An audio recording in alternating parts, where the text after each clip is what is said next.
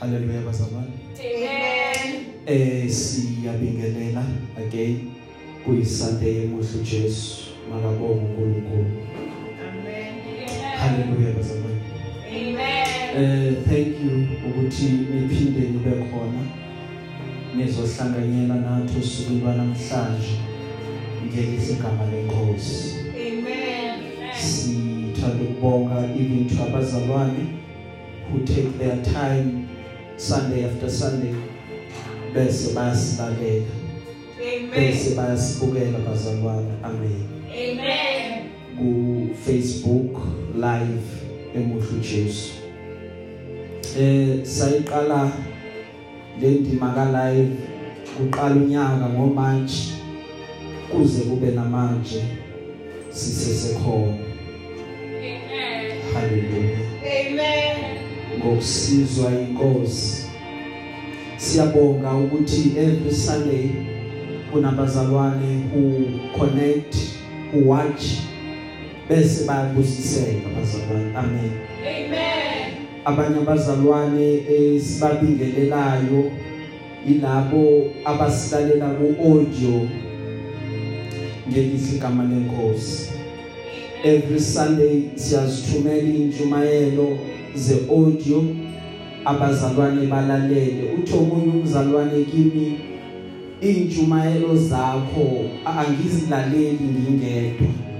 But njalo uma uqeda nje kuyithumela ngiyayihlanganyele nabangani bami ngithi asilaleleni nanti izwi lenkosi ngaloko bazalwane kuyasithobisa kakhulu. Haleluya. Amen.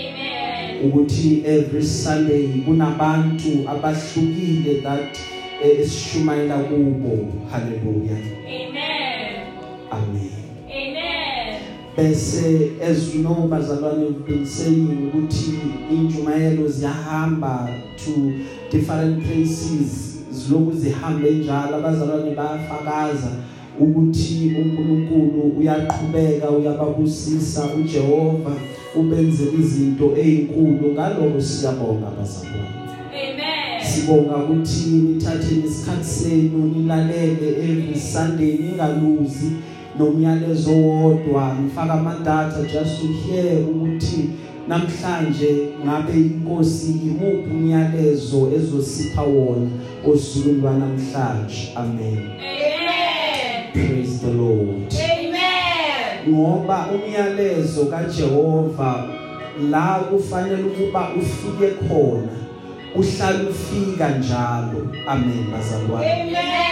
uNkulunkulu akayisweli indlela yokuthi athi transport umessage yakhe ayifikise kumuntu efanele ukuba ifike kuye ngesikhathi efanele ukuba ifike ngaso. Uma bekungenzeka ngelinye lamalanga ngithi cha mina Nkosi angisayimisele ukuthi ngishumayele izwi noma ngihambise indaba zakho ezinhle. Ngiyaresigna ekushumayeleni izwi lakaNkuluNkulu. uNkulunkulu akamswelanga umuntu. Noma mina bengingekho kodwa bekade ayovusa omunye athi hambisa umyalezo wami. Kunamuntu owudingayo ngoba lo bengicabanga ukuthi uzowuhambisa umyalezo wami. Akasekho kuposition yokuba awuhambise umyalezo wami. Amen. kule viki ngikhuluma nomunye umfowethu engimaziyo uma ngisahleli nje about 2 ekseni kufika umyalezo wakhe specifically uthi lo khuluma nami nawu umyalezo unikeze nangu umuntu ngithi vele kunjalo? Uthi yena Hallelujah. bese ngiyawuthatha ekseni ngiyawudlulisa ngithi kuthe entathakusa ngabana nanku umyalezo wakho uthi uthi uthi wathi kimi mfowethu ngiyabonga ngoba izolo bekade ngikhuleka ukuthi inkosi ayingibonise idirection. Namhlanje wena uza uletha iconfirmation yokuthi umkhuleko wami uzwakele enkosini. That is why ngithi kuwe noma ngakunjani uJehova akaswelanga ukuze umyalezo wakho ufike la adinga ukuba ufike khona uJehova will always ehlala enza indlela ukuthi umyalezo wami ufike kulo efanele ufike kulo Amen. haleluya Amen. Sizithola sinesimo noma isituation esizithola sikuyo sizithola sisemhlabeni. Njengoba sila emhlabeni bazalwane kukhona into eyenzakalayo. Haleluya. Amen. sizithola kwesinye isikhathi kuba khona izimpi ezihamba hamba zisivukele. Izimpi lezi eziba assigned to impilo zethu noma to us zingangokwamandla ethu ukuthi uma ziza uNkulunkulu usuke azazi ukuthi lo lempi imlingene noma lo lempi ayimlingene bese uJehova angayivumeli ukuba ize kulomuntu impi engamlingene. Abebakade bakhuluma bebakade bathi kumele ukuba uhloniphe umhlaba.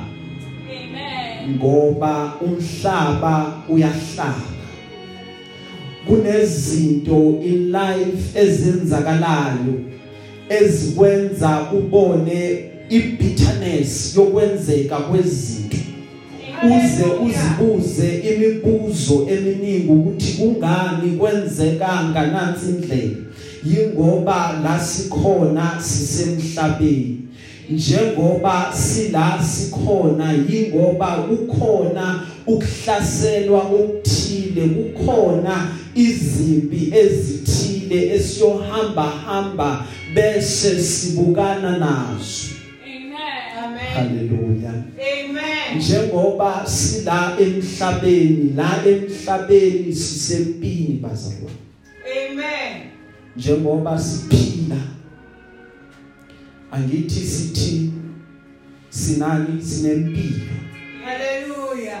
so njengoba sinempilo ingoba siyaphila Amen. leli gama elithi impilo ngesizulu lakhiwe amagama amabili. Igama lokuqala lithi impi. Igama lesibili ule. So impi le. Bese ke kulabo abafunda ke isizulu kuhlanganiswa ongwaqa nonkamisa Amen. amen bazalwane. Amen. angithi ukamisa yiloko esikwenza lapha ka grade 1 lo a e i o u ukamisa ke lo Amen. okamisa kahle kahle ngesizulu and then ongwaqa ke bese kuba yiwo all the other alphabets esiwatholayo angithi uma esewonke aba u26 Yes. so uma kuhlanganiswa lanka magama because isizulu siyawahlanganisa amagama ngathuka ngenkathi ngifika e-university senza isizulu kwangazi ukuthi senza izibalo imaths. Ngendlela bekade amagama ahlanganiswa ngakhona phila phulwe ngakhona. So nami uma ngizihlanganisela ke leli gama lempilo ngiyaye ngithi lakhiwe lezi ziqu ezimbili. Eyokuqala ukuthi impi unumber 2 ule so impilo it's impi. Le. Then uma ehlanganiswa wasikhiphela impilo yimpi le because size la ukuzolwa kunama battles that we have to fight. Amanye siyawazi amanye ama battles asiwazi amanye ezinye zezimpi uNkulunkulu usilwela sibona ezinye zezimpi uJehova uzilwa ekusithekeni singaboni. Kwesinye isikhathi ungaba nomuntu nini nibulisane mhlawumbe umakhelwane yonke into ucabanga ukuthi ilungile mawuphumile wambona niyabingelelana. Hawu kuhamba amalanga bese uyamangala uthi sawubona makhi ubona umakhi athula hayi hayi ngoba khona okurongo kwenzile but sekukhona la seyibambene khona sekukhona la sekuxatshenwe khona. Kwesinye isikhathi uthola ukuthi wena wazi ukuthi ngimenzeni njengoba ngasangikhulumisa. Bekade ngikhulumisa yena because in life ngokwenzeka noma ngokwehla kwezinto kunezimpi esiyohamba hamba silwe nazo. Now ezinye izimpi siyazazi ezinye zezimpi asizazi. Amen. Amen. kunezimpi ekumele sizilwe bese ziyasakha. Kunezimpi ekumele sizilwe bese ziyasikhulisa. Kunezimpi okumele sizilwe bese lezo zimpi zizosiqinisa nje ukhakhayi so that sizoba ne deeper understanding ukuthi what is expected in life of us. Kunezimpi efanele ukuthi zifike bese siyazilwa so that zizokwenza ukuba siqine sibe strong sizokwazi ukuthi sibe namandla ngoba impilo ngendlela eyakheke ngakhona yakhiwe ngokuthi impi nempi oyinqobayo yiyo elevateayo impi nempi oyinqobayo yekuthathayo from this level ikumikise to the other level. Ngenkathi ngikhula mina ngakhula ngiwumuntu othanda ukudlala ama game efonini now ngaqala ngadlala ufone waya kwaya ngawadlala ngecomputer now there's something that is common that i noticed. Uma udlala ama game ku phone bowuthi udlala lama game okulwa ilevel yokuqala ubhekane nezitha ulwe nazo ulwe nazo uyinqobe. But before uzodlulela ku next level bakubekela isitha esinamandla kakhulu kunalezi oyidlule eqaleni kwaziwe ukuthi wanqoba lesi sitha uba elevated to the next level. You cannot go to the next level uma lesi sitha sikushaya siphonsa ama punches that you cannot stomach. Why? Because lesi sitha basenza sibe namandla kakhulu kunezitha oke wabukana nazo before. Now kumele ukuba uzi usinqobe lesi sitha so that uzokwa unlockeka the next level. The next level cannot be unlocked unless you conquer lesi sitha obukene naso. And ukuze uzoya ku next level you need to go through lesi sitha. Unless you go through lesi sitha then there is no next next level. Unless you go through lesi sitha then there is no promotion ekumele. There is even no way to even try and bypass lesi sitha because ukuze uzoqhubekela phambili umele ukuba usinqobe.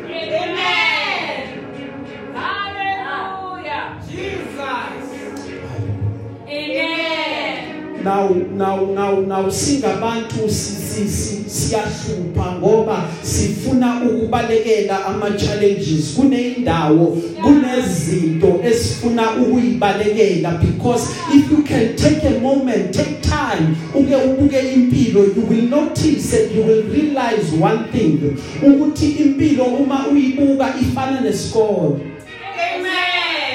Impilo njalo kunento efanele ukuba izokufundisa that is why umntwana ekhula ekhula bese aba na 6 years baye bathi right now uselungela ukuthi ayoqala kuphi esikolweni because there are lessons afanele ukuba awafunde Yes. Amen. there are challenges efanele ukuthi adlule kuwo awanqobe Hallelujah. so that azo understand ukuthi right now I'm ready for the next level Glory. Now now ngithi mina singabantu most of the time siyahlupa sometimes we come across some challenges and then sifune ukuwa bypassa because sesi used to uthatha indlela okungama shortcut kanti ukuwa bypassa kwethu kusho ukulimala kwethu Amen. kunezinto uNkulunkulu angavumi ukuba uma ungadlulanga kuzo. Ukwazi ukuthi uqhubeke Amen. kunezimpi eziza kuwe uma ungazange wayinqoba ngeke ukwazi ukuthi uqhubeke Amen.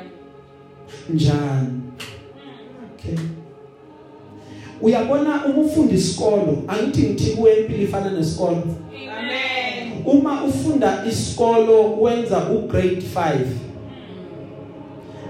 bese kwenzeka come December umfeli no grade 5 uma kungenzeka uthi maqala uJanuary sekuzovula ikolo hayi mina ngibuye lapha. Phela bazongihleka bayahlekana abangani bami.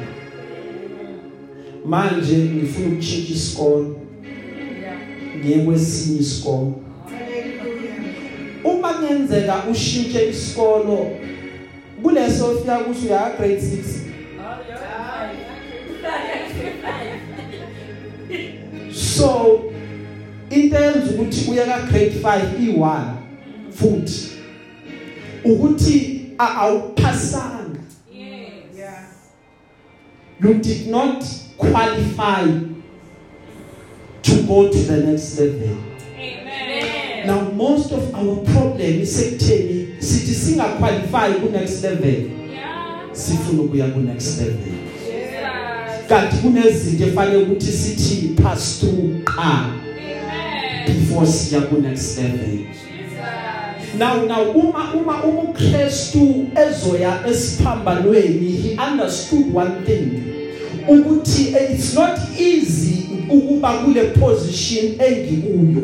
Lo msebenzi engiwuthwele mkhulu kakhulu uyangisinda njengoba umkhulu lo msebenzi lithi iBhayibheli ngenkathi efika eGetsemane wakhala inyembezi zakhe kwaze kwaba ngazuthi amathonsi egazi. Because of the magnitude of the work that he had to do.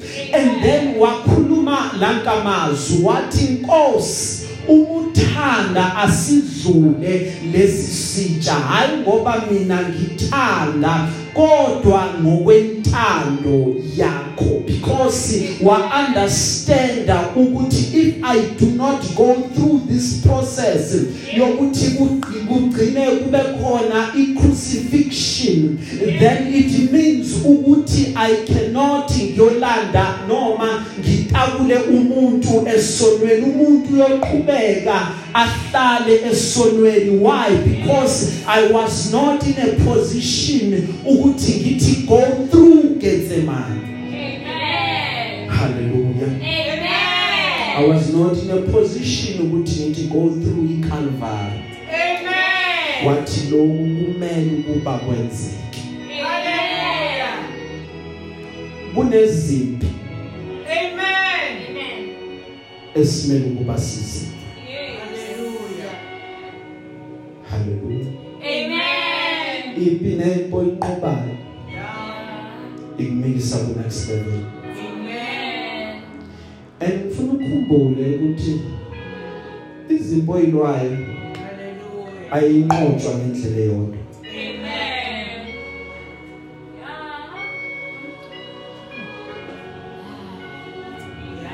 izimpo obhekana nazo Yeah. Zinezindlela ngithi ezimbili zokuyinqoba. 2 indlela yokuqala ukuthi ulwe. Indlela yesibili yokunqoba impi ukuthi ungabe akuzona zonke izipho eyinqoba ngoba wena uye walwa. Uma uma uma uJesu ayobethelwa encwadini kaLuke 22 ukuze abafundi bakhe uthi niziphethe yini inkemba? Bathi yebo Nkosi. Uthi zingaki bathi zimbili. Uthi okay that is enough that is fine asiqhubekeni. Uma beqhubeka endleleni kuchamuka isosha lizothatha uJesu. uPeter ke ngoba ezwile ukuthi sibuzwe ngeinkemba uhosha inkemba. Wathi siphu indlebe yesosha. Wayilahla phansi. Uma sekayilahle phansi indlebe yesosha wayithatha uje wamangala uPeter awu Jesu kanti sowenzani manje? Ngoba phela mina ngithi ngisindisa wena manje Jesu. Sowuyenzani le ndlebe ngoba si- sisempini siyalwa phela la. Kufanele siphathe inkemba ziyabuya la. Wayithatha uJesu wayibuyisela. I believe ukuthi that's one of the things eyamkhulu Peter ukuthi kanti kanti kanti Jesu njani? Then i explanation kaJesu ithi cha Peter indlela yethu yokulwa lempa silwa ngaleyo ndlela. Amen. hawu njani manje Jesu bengithi njengoba ngiyiphethe ngiyisebenzise manje uthi mangiyiphethe ungayisebenzisi njani Jesu? Lena impi ayidinge ukuthi usebenzise amandla akho. Lena impi ayidinge inkemba yakho Amen. kunendlela efanele kuba silwe ngayo ngizokukhomba yona Peter ukuthi lena impi iliwa kanjani. Ncwadi yesambulo chapter 3 uthi uJesu onqobayo yakumnika ukuba ahlale nami esihlalweni sami sobukhosi. Njengaloku nami nganqoba ngahlala nobaba esihlalweni sakhe sobukhosi. Njongenkulu kuba sinqobe bazalwane singanqotshwa but njongenkulu kuba sinqobe. Haleluya indlela indlela yokunqoba izimpi ukuthi uthandaze Hallelujah. ngoba uthi uPaul uma ekhuluma yebo singabantu. Kodwa ukulwa kwethu akufani nabantu. Ngithe uma ngifunda athi we do not wage war like mere humans do. Ukulwa kwethu akufani nokulwa kwabantu. Ngoba ikhali lezi siphethe azikho kanani but they are mighty to pull down the strongholds ezibambe abantu. So kulempi esilwayo thina umkhuleko asiwushiyi ngaphandle ngoba siyaqonda ukuthi asibambene nanyama nagazi but sibambene nemibuso nemimoya yobumnyama esebenza isemkhathini Hallelujah. konke okwenzayo Amen. qinisekisa ukuthi uqale umthandazo hlale njalo ukhuleka uyahamba uhleli ubhizi thandaza impe sibukene nayo bazalwana akusiyo yegazi impe sibukene nayo ayikho ebantwini. Kunabantu ongaxabana nabo ucabange wena ukuthi hayi inkinga yami nalo muntu. Usuke kulomuntu uye phambili uthi hayi ngiyomthola ongcono phambili. Ufike phambili bagile ngalento efana naleyo ishiye emuva. Ngoba impi kahle kahle ayikho enyameni nasegazini. But impi esibukene nayo is in the heavenly places. Once sanqoba impi yale phezulu sobe sinqoba. Amen. hallelujah. Impi impesilwa idinga uba sibe nezikhali sibe sibe sidabazalwana abahlakaniphile sibe abazalwana abaqondayo ukuthi sibukana kanjani nalempi esibhekene nayo. Lithi iBhayibheli ncwadi yabasefeso soma zonke izikhali zika baba uNkulunkulu ukube nibe ukuze nibe namandla. Okuzabalaza ngosuku olubi Yeah. uma senifeze konke bese niyama nime kuze kube sekugcineni. Okokuqala isikhali sokuqala lithi iBhayibheli inkalo zenu baziboshwe ngeqiniso. Put on the belt of truth isikhali sokuqala. Into esisholwa ngayo akukho okuhlula iqiniso. Iqiniso liphelele iqiniso linjalo wakhuluma iqiniso akunanto efanele uyikhumbule ngoba iqiniso liyazimela. Iqiniso liyakhuluma. Amen. haleluya isikhathi sesibili lithi iBhayibheli fakani izivikelo sesifuba. Nilunge fakele ukulunga nigqoke ukulunga. La nihamba khona abantu banazi ukuthi nilungile. Amen. ngoba ningabantwana bakaNkulunkulu. Amen. haleluya. Inyawo zenu bese ziyagcoka ziyagcokiswa zigqokiselwa ukushumayela ukulungela ukushumayela ivangeli. Einyaweni zenu nifakeni izicathulo eziyakunihambisa yonke le ndawo nihambisa ivangeli lokuthula. La nifika khona nimemezele ini ukuthula. Ukwazi ukuba umntwana kaNkuluNkulu but la ufika khona abantu bayaxabana. La ufika khona abantu bafuna ukuhamba ngoba sewukhona wena. Wena mawukhona ufika nje bese wenza ukuthi abantu bangahlalisani ngawe Amen. Sikhathi sesine thathani isihlangu sokukholwa Amen. phathani isihlangu Amen. sokukholwa Amen. so that niyocisha ngaso imcisho yesitha sitha masifikile sahlasela Yeah. sifika lesihlangu sokukholwa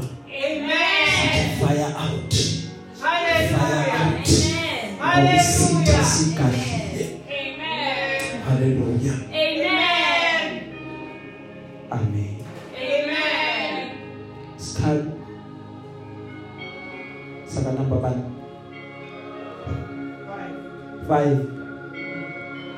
fakani isigqoko sensindiso Hallelujah. isigqoko esisho ukuthi mina ngisindisiwe Amen. insindiso ila ekhanda Amen. wazi la ukuthi ngisindisiwe then bese from la konke kwehlela phansi uthi nokwenza kwami kubonisa ukuba ngisindisiwe ukhavara ini umzimba wonke but indaba iqale Amen. uthi i'm saved Yes. hallelujah Amen. okugcina ngiphathele inkemba kamoya. Amen. okuyizwi lakaNkulunkulu. Jesus.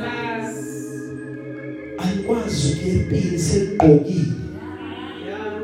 ninganayo into yokuhlasela. Ngidinga inkemba yohlasela ngayo. Okuyizwi lakaNkulunkulu. Mase nifikile nithi simo yizwizwi ukuthi ngithini nanti izwi lakaNkulunkulu.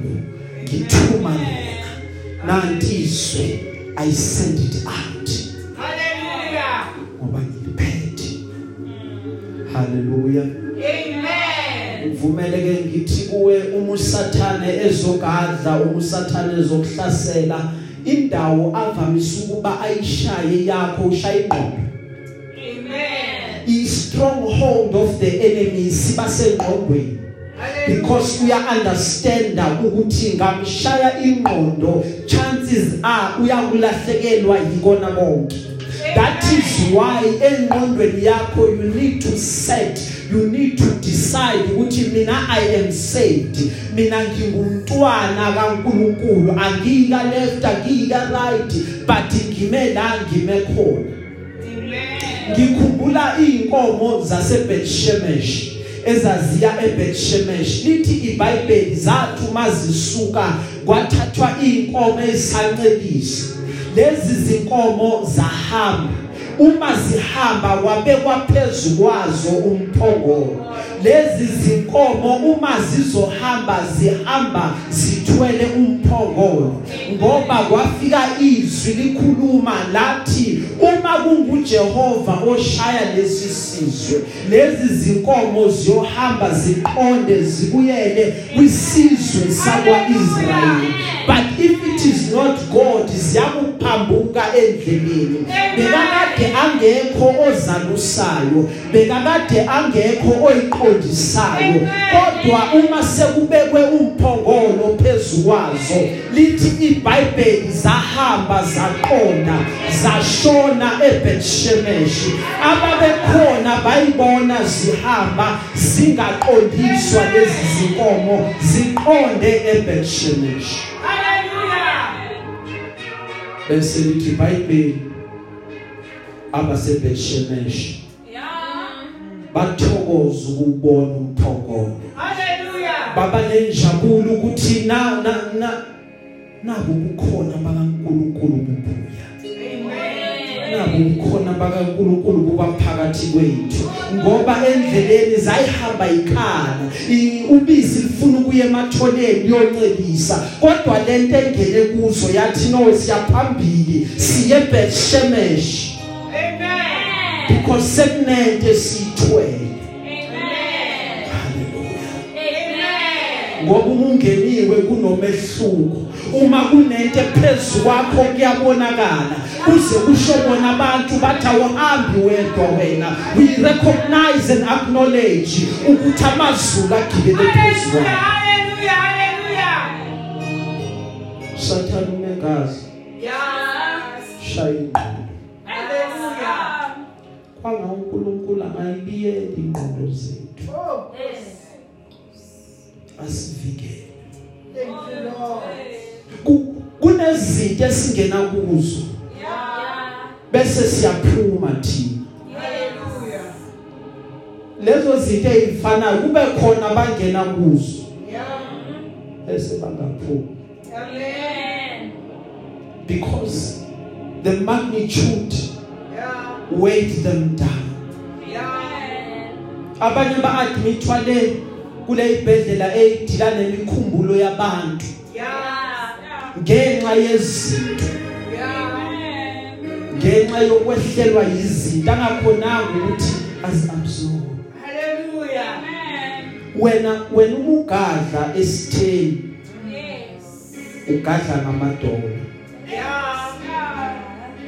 Uphinde ugadle nangezandla Amen. impi yakhe enkulu isezandleni Hallelujah. kumele ukwazi ukusebenzisa izandla zakho ngendlela efanele so that uzokwazi ukunqoba Amen. uma uDavide eyobhekana nebhere nengonyama Yeah. simuzwe landisa athi ngenkathi ngisehlane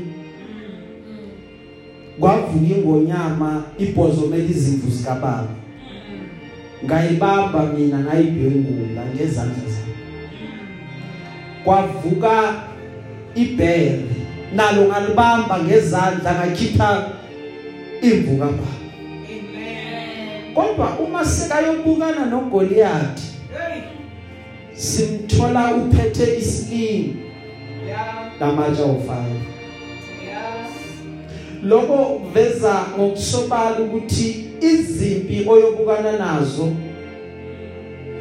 azinqotshwa ngendlela efanayo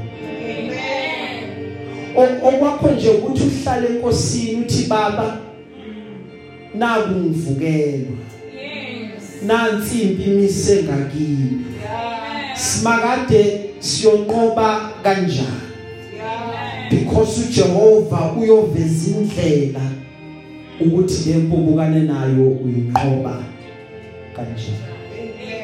sifunda incwadi yamahubo chapter 144 iverse 1 siphinde sifunde incwadi kaExodus. Exodus chapter 17 verses 8 to verse 12 The book of Psalm 144 verse 1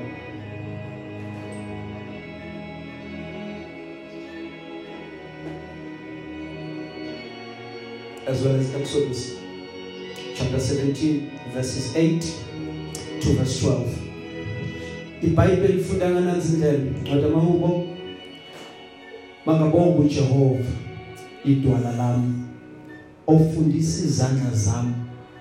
Ukuhlasela neminwe yami ukulwa. Exodus 17 verses 8 to 12 funda nganansi indlela. Kwase kufika uAmaleki walwa noIsrayeli eRefidim Mose wathi kuJoshua sikhethela amadoda aphume ulwe noAmaleki. Sasa ngizakuma esiqokweni sentaba. Induku kaNkuluNkulu isesandleni sami. uJoshua wenze njalo njengalokhu Mose eshilo kuye. Walwa noAmaleki oMose noAaron noHure bakhuphukela esiqokweni sentaba. Kwathi uMose esephakamisile isandla sakhe uIsrayeli wahlula. Kepha nxa esehlisa uAmaleki wahlula kodwa izandla zikaMose zabanzima noma zakhathala. Bathatha itshe walibeka phambi kwakhe wahlala kulo oAaron noHure basekela izandla zakhe. Omunye engalapha omunye engalapha. Zase zihlala ziqinile izandla zakhe. Laze lashona ilanga. Singavala namehlo liyaphila lingowe emaphakadeni waliphefumulela. Ulithembile izwi lakho. Uyalazi uyaligcina uyalilonda. Sibusise ngalo seliphumile. Aliqede lenzo umsebenzi. Bese uKristu uyadunyiswa bese uKristu uyaphakanyiswa. Ibandla lonke lithi amen. Amen. izandla zethu uma zakhiwa enye ama functions awo zakhiwela ukubazila izandla zethu zathi uma zakhiwa kwathiwa zizosiza endaweni eziningi Amen. that is why ungakwazi even nokugijima ufake izandla esikhwameni Amen. hallelujah Amen. that is why one of the sports esidumile sisaziyo uma abantu belwa basebenzisa izandla that is the sport of boxing Amen. that is why incwadi yamahubo ithi uJehova ufundisa izandla zami ukulwa Amen. hallelujah Amen. uma umuntu athi ngithembile mina ngisuke ngithembe lamandla sezandleni zami because ngiyazazi izandla zami ukuthi yini ezikwazi ukuthi zingayenza mangithi ke kuwe kuyisunday yokuqala kuNovember Yes. emhlabeni sisempini Amen. impi esilwayo ke asiyilwi sisodwa Yes. siyilwa noJehova ohlezi njalo emenga kithi Amen. okumangalisayo ukuthi sithi sisempini kodwa sine assurance yokuba thina singaphezulu kwabanqobi Amen. sinqoba ngaye owasithanda ngoba nguyena ophinda asihole nasodondweni lomnqobo Amen. okwenzekalayo ke bazalwane nako okokuqala ukuthi uJehova ufundisa izandla zethu ukuhlasela Yes. aphinda afundise neminwe yethu ukulwa ukuthi uma siya kulempi siyawulwa kanjani okwesibili ilokhu abantu bakaNkuluNkulu uhamba kuhambe kube khona izimpi ezibavukelayo akwenzeki ukuthi aphile nje angahlushwa that is why lithi iBhayibheli encwadini yezenzo ngalezo insuku inkosi yanquma ukuba ihluphe abathile bebandla. Kukhona bahamba bahambe bahlushwe. Kukhona bahamba bahambe kube khona izimbi ezibavukelayo endleleni. Amen. ziba khona abazalwane Yeah. thina sesibonga ukuthi uNkulunkulu uhlale eminandi akavumi ngathi Amen. haleluya Amen. siba neassurance ukuthi uJehova ungena nathi Amen. sisakadelo kaphinde futhi aphume nanathi Yes.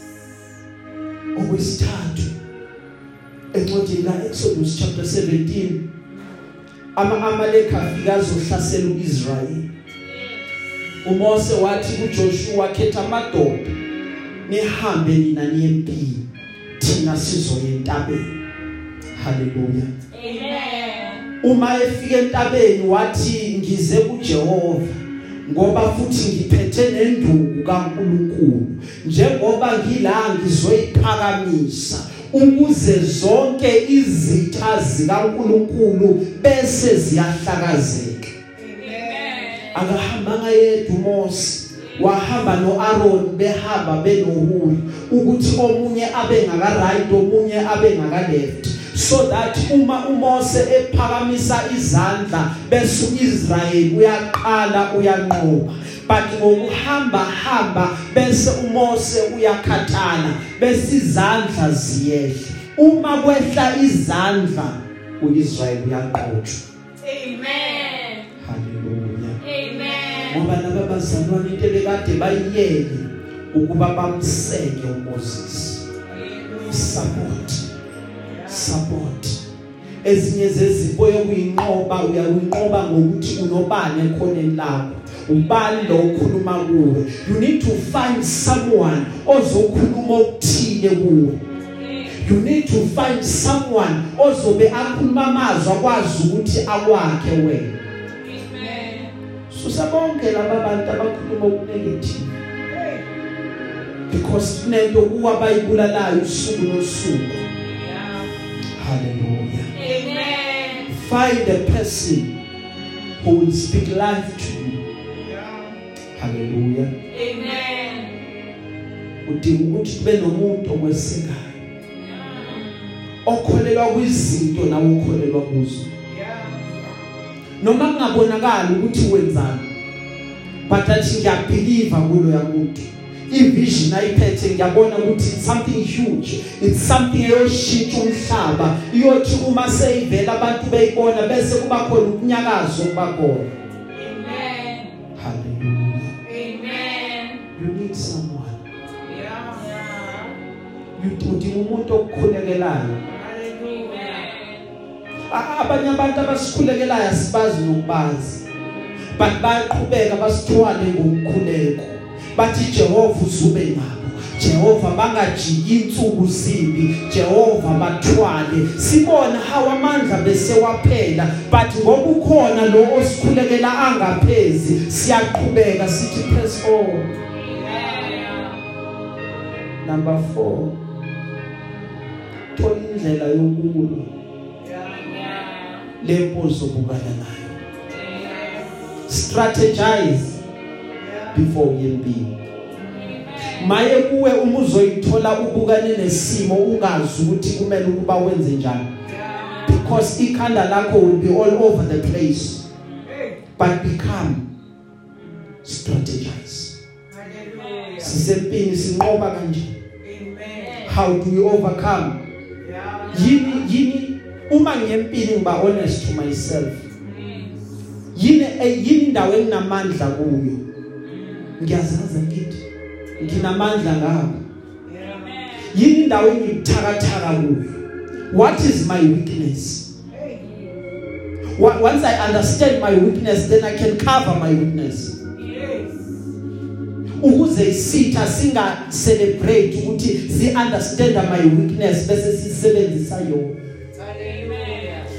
The time ngisabukela iwrestling bebathi mabashayana lapha bese omunye alimala idolo Amen. uma elimale idolo le opponent angeke yenze into iyohlala kule dolo leli limele ngoba uyabo iweakness nayo Amen. haleluya Amen. ngoba izinto lezi ezishaye azishaye ngoba zishaye zishaye ngoba zi understand weakness yethu Hallelujah. haleluya Amen. injalo nje if if we could understand our weakness and then saba nendlela of how to cover it and then bese siya overcome kube sinqobile Amen. that's why uPaul athi yes i have a weakness but semfunda into eyodwa ukuthi ngithokoze ebuthakathakeni bami now le weakness yami lokuthakathaka buvela uma buvela ngoba ngithokoza ngabo. Buvela kungazuthi amandla ami Amen. praise the lord. Amen. omunye wathi asemcimbini kunephathi bamnomshado bambemini wayibika yabo. Wathi nginenkinga eh njengoba ngimemile ukuthi ngizohlanganyela nani. Inkinga yami ukuthi nginesandla ngiyathatha. Angisakhona ukuyicontrola kuyazenzakalela bangibona ikhezo ngiyathatha. See whatever. Mazambane. Wathi ngicela ukuthi mase ngahamba ningikhuthuzele angifuni ukuhamba nezinto zenu haleluya understand your weakness. Khumbule futhi no man is an island. Siyadingana. Haleluya kunezimpi ozoyinqoba ngokuba uye wathandaza kuphela. Wadumisa uNkulunkulu wangayiphatha nanokuyiphatha indaba yaleyo mpi. Ubone sowunqoba ngoba uNkulunkulu enakekele udaba lwakho. Timothy oqala uthi thanda ukuba wonke amadoda akhuleke eindaweni zonke aphakamisa izandla ezingcwele engenalulaka nokuphisa kunamandla bazalwane ekuphakamiseni kwethu izandla. Because it's a part of our warfare. Lapha bengibhala ukuthi our earthly warfare indlela esizolwa ngayo. Ukwazi ukuphakamisa izandla. Ngoba uma uphakamisa izandla uthi i surrender. I give myself to you. That is why ngiphakamisa izandla.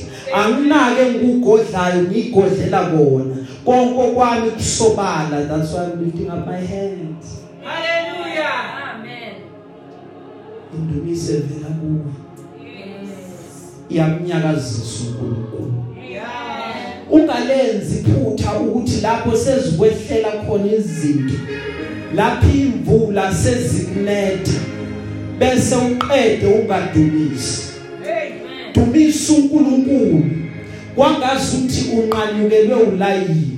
Umdumisa uNkulunkulu. Kwangazi ukuthi konke kuhamba kahle. Uthi kufanele udumo. Izinto zama ihlangane but ngiyakudumisa ngoba wena unguJehova. Angazi ukuthi imili yami elandelayo yoqhamuka kuphi but i give you praise for being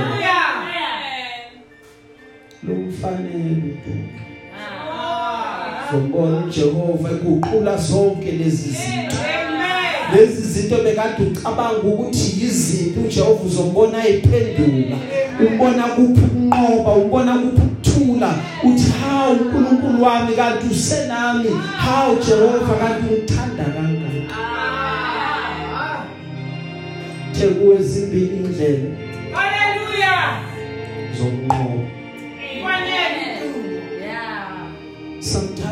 Sometimes melulwe. Sometimes melungana. And ukhumbula sibi njengabeso. Engakhutshwa omunye umzalwane ngelinye ilanga afake ikholomo athi yabona manje? Ngathi sengiyadeleleka ngithanda wazi ukuthi ngapha kwale khololo oyibonayo kunomuntu Amen. zobeka ikhololo phansi idile nomuntu manje haleluya Amen. asibi njengabantu Amen. asihlaseli njengoba bona behlasela Amen. ezinye zezimpi sinqoba ngokuba siye sathula Yeah. Ku- ku- kunento ekudlayo uma ufike kumuntu wazulwa naye wazomhlasela wenza wayithe ukuthi yabo manje ngiphakeme like ngiphezulu ngizomtshela ngenze yonke into. Amen amen. Bese loyo muntu angakuphenduli amen. Iyakudla leyo nto. Amen. Usemkhulume kangayo ngiyavutha malanga haleluya but angakuphenduli yeah. Uma uhamba nje waya ngangiphendulanga ezinye zezimpi asikuyinqoba ngokuthi thina sitheni haleluya Amen. kwesinye isikhathi kungcono ukuba nokuthula kunokuthi ube right praise the lord Amen. sesigcina ke bazalwane Yeah. sonke sinezimpi ekumele kuba siziwe Amen. Haleluya Amen. akekho okuholiday la emhlabeni Yeah. akekho ongahlaselwa Hallelujah. akekho ongavukelwa izinto Amen. lithi iBhayibheli uma likhuluma ziningi inhlupheko Yeah. zabalungileyo Amen. kodwa uJehova ubakhulula kuzona zonke Hallelujah. Khumbula uJehoshafati ngelinye ilanga Yeah. lithi iBhayibheli kwathi impi mise ngakubo Yeah. wayenkosini wathi Jehova naba besivukele Yeah. uNkulunkulu senze kanjani uma esaphenika lithi iBhayibheli uJehova wathi ningathuki Jehoshaphat Yeah. yenzani into eyodwa thathana abapristi nibabeke phambili abapristi uma behamba phambili bese nina niyadumisa bese nina nibalandela ngemuva.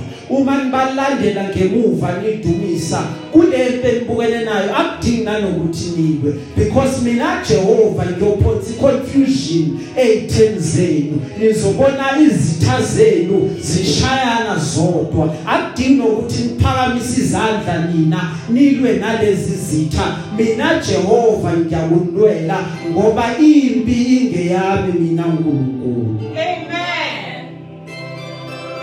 ekugcineni kwempi olwelwa yona uJehova izitha zakho Hallelujah. ziyakukhokhela Amen. izitha zakho zizokukhokhela ngokuthi ziye zakusukela. uNkulunkulu uyokwenza indlela.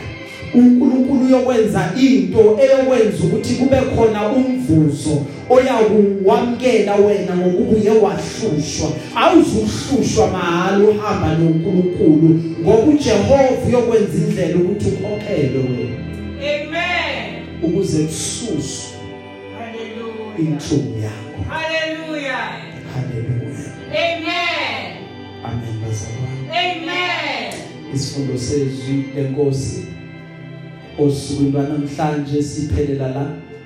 Kwanga inkosi ngabusisa ukufundwa kwezwi layo ibandla lonke lithi amen. Amen.